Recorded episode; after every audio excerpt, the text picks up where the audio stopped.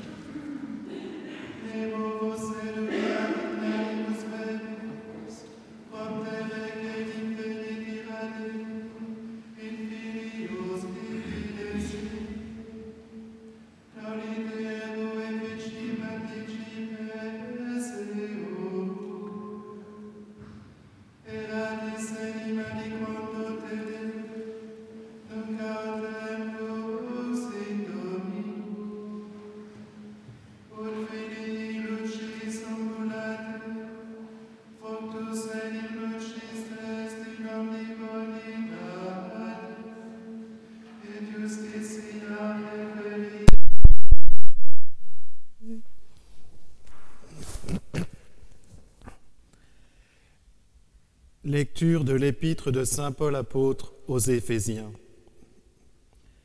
Frères, soyez imitateurs de Dieu comme des enfants bien-aimés et marchez dans la voie de la charité comme le Christ qui nous a aimés et s'est livré pour nous en oblation et en sacrifice d'agréable odeur offert à Dieu. Quant à la débauche, à l'impureté sous toutes ses formes ou à la convoitise, qu'il n'en soit pas même question parmi vous, ainsi qu'il convient à des saints. Qu'il n'y ait point de grossièreté, de sottise ou de, ou de bouffonnerie, toute chose inconvenante, mais plutôt l'action de grâce. Car sachez bien ceci, ni le débauché, ni l'impur, ni le cupide, ce serviteur d'idole, n'aura sa part dans le royaume du Christ et de Dieu. Que nul ne vous égare par des paroles creuses. C'est bien pour de telles choses que la colère de Dieu vient sur les fils de rébellion. Ne soyez donc pas de leurs associés. Vous étiez jadis, ténèbres, mais vous êtes à présent lumière dans le Seigneur.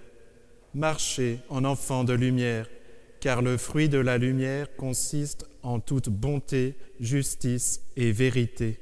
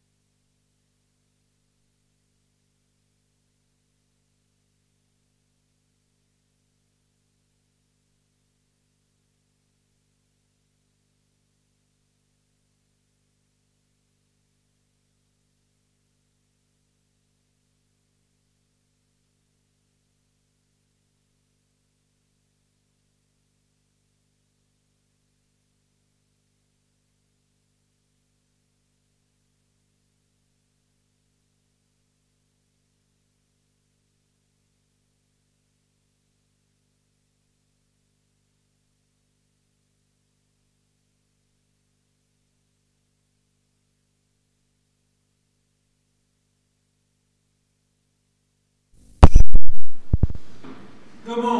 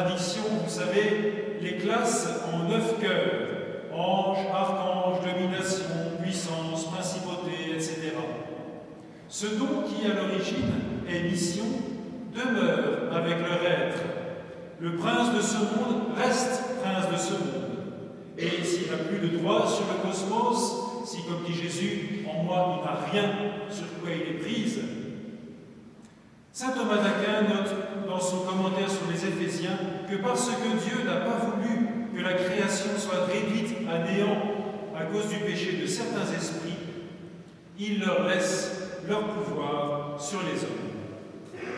Quant aux bons anges, eh bien, c'est dans toute obéissance, perfection et suavité qu'ils régissent le monde où loue Dieu éternellement. Pour les hommes, eh bien, chacun a son don, chacun a son charisme. Dans l'Épître aux Romains, saint Paul en énumère un certain nombre.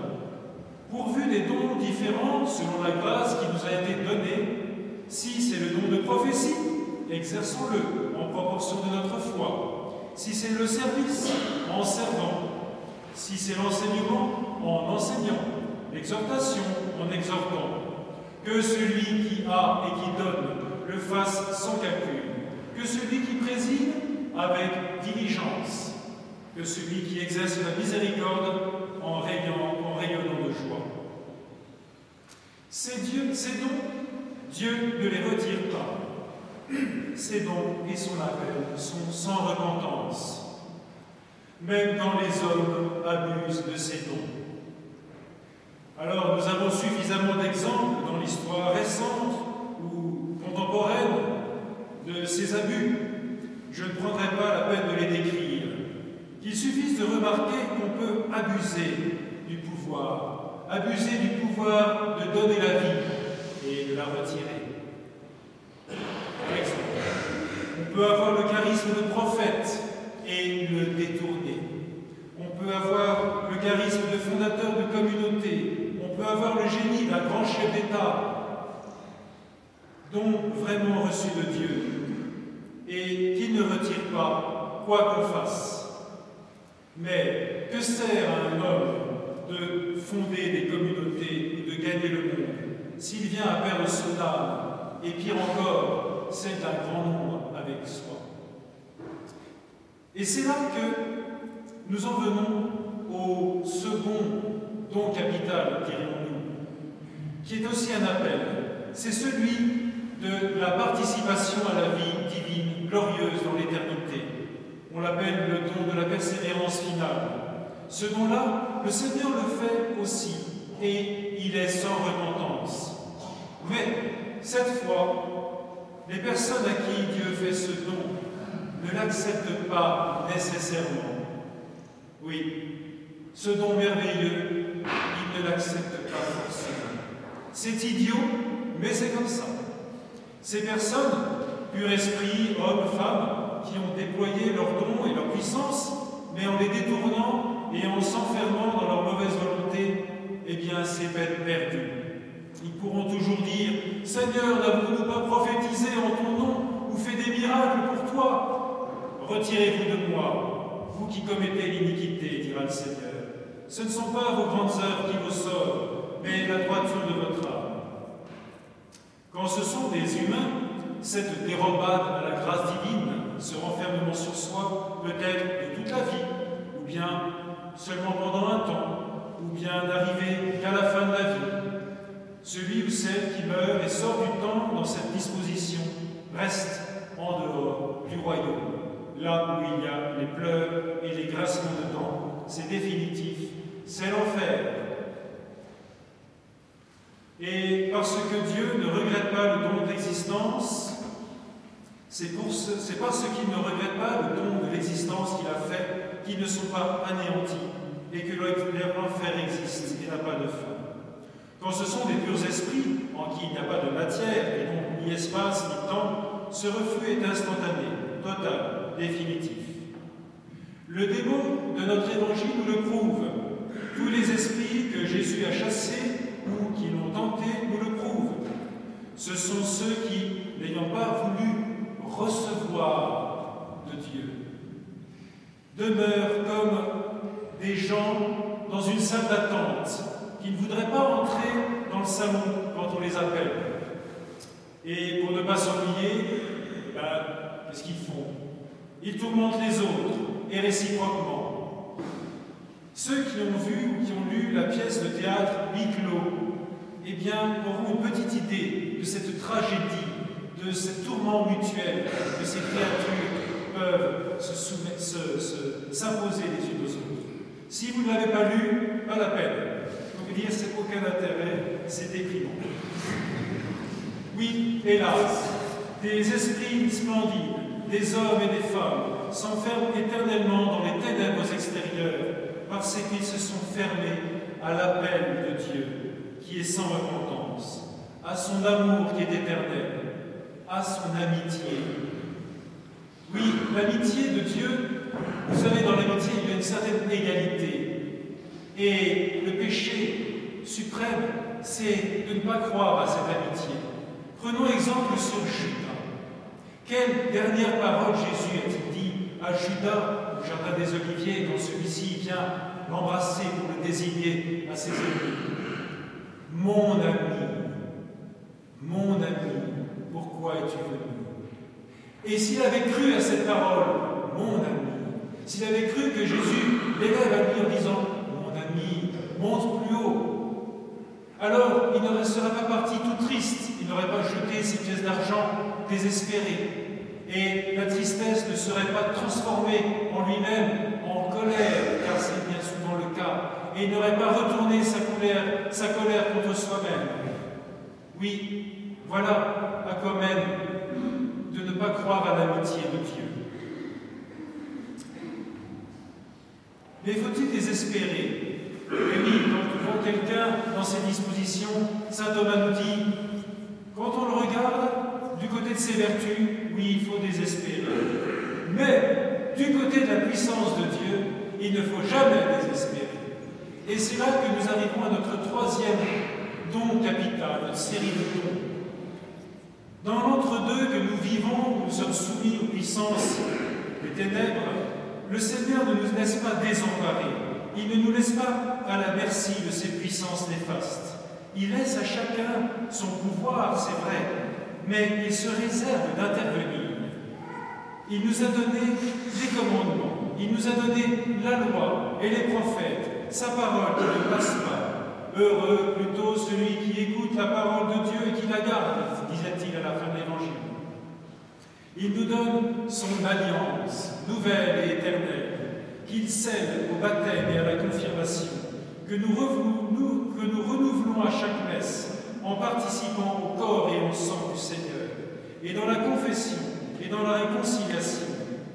Et pour ceux qui se sont bêtement soumis à la puissance de Satan, il y a les sacramentaux, comme l'exorcisme que nous avons vu dans l'Évangile, les évêques successeurs des apôtres qui donnent le pouvoir à certains prêtres.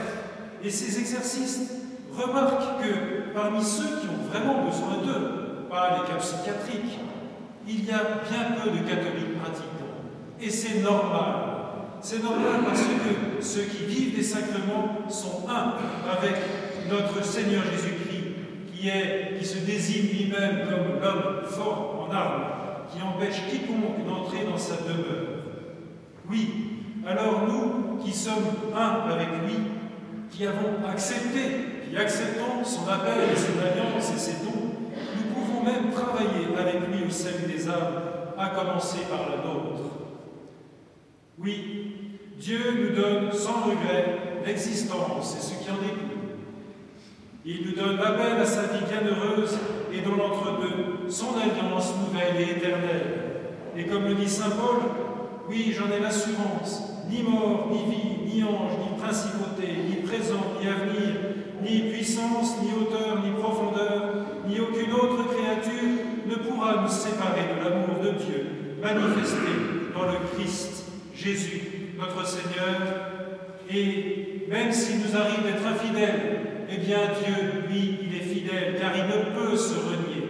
Si nous sommes morts avec lui, avec lui nous vivrons. Si nous tenons ferme, avec lui nous régnerons dans sa gloire et une surabondance de vie éternellement pour les siècles des siècles. Amen. Au nom du Père, du Fils et du Saint-Esprit, ainsi soit.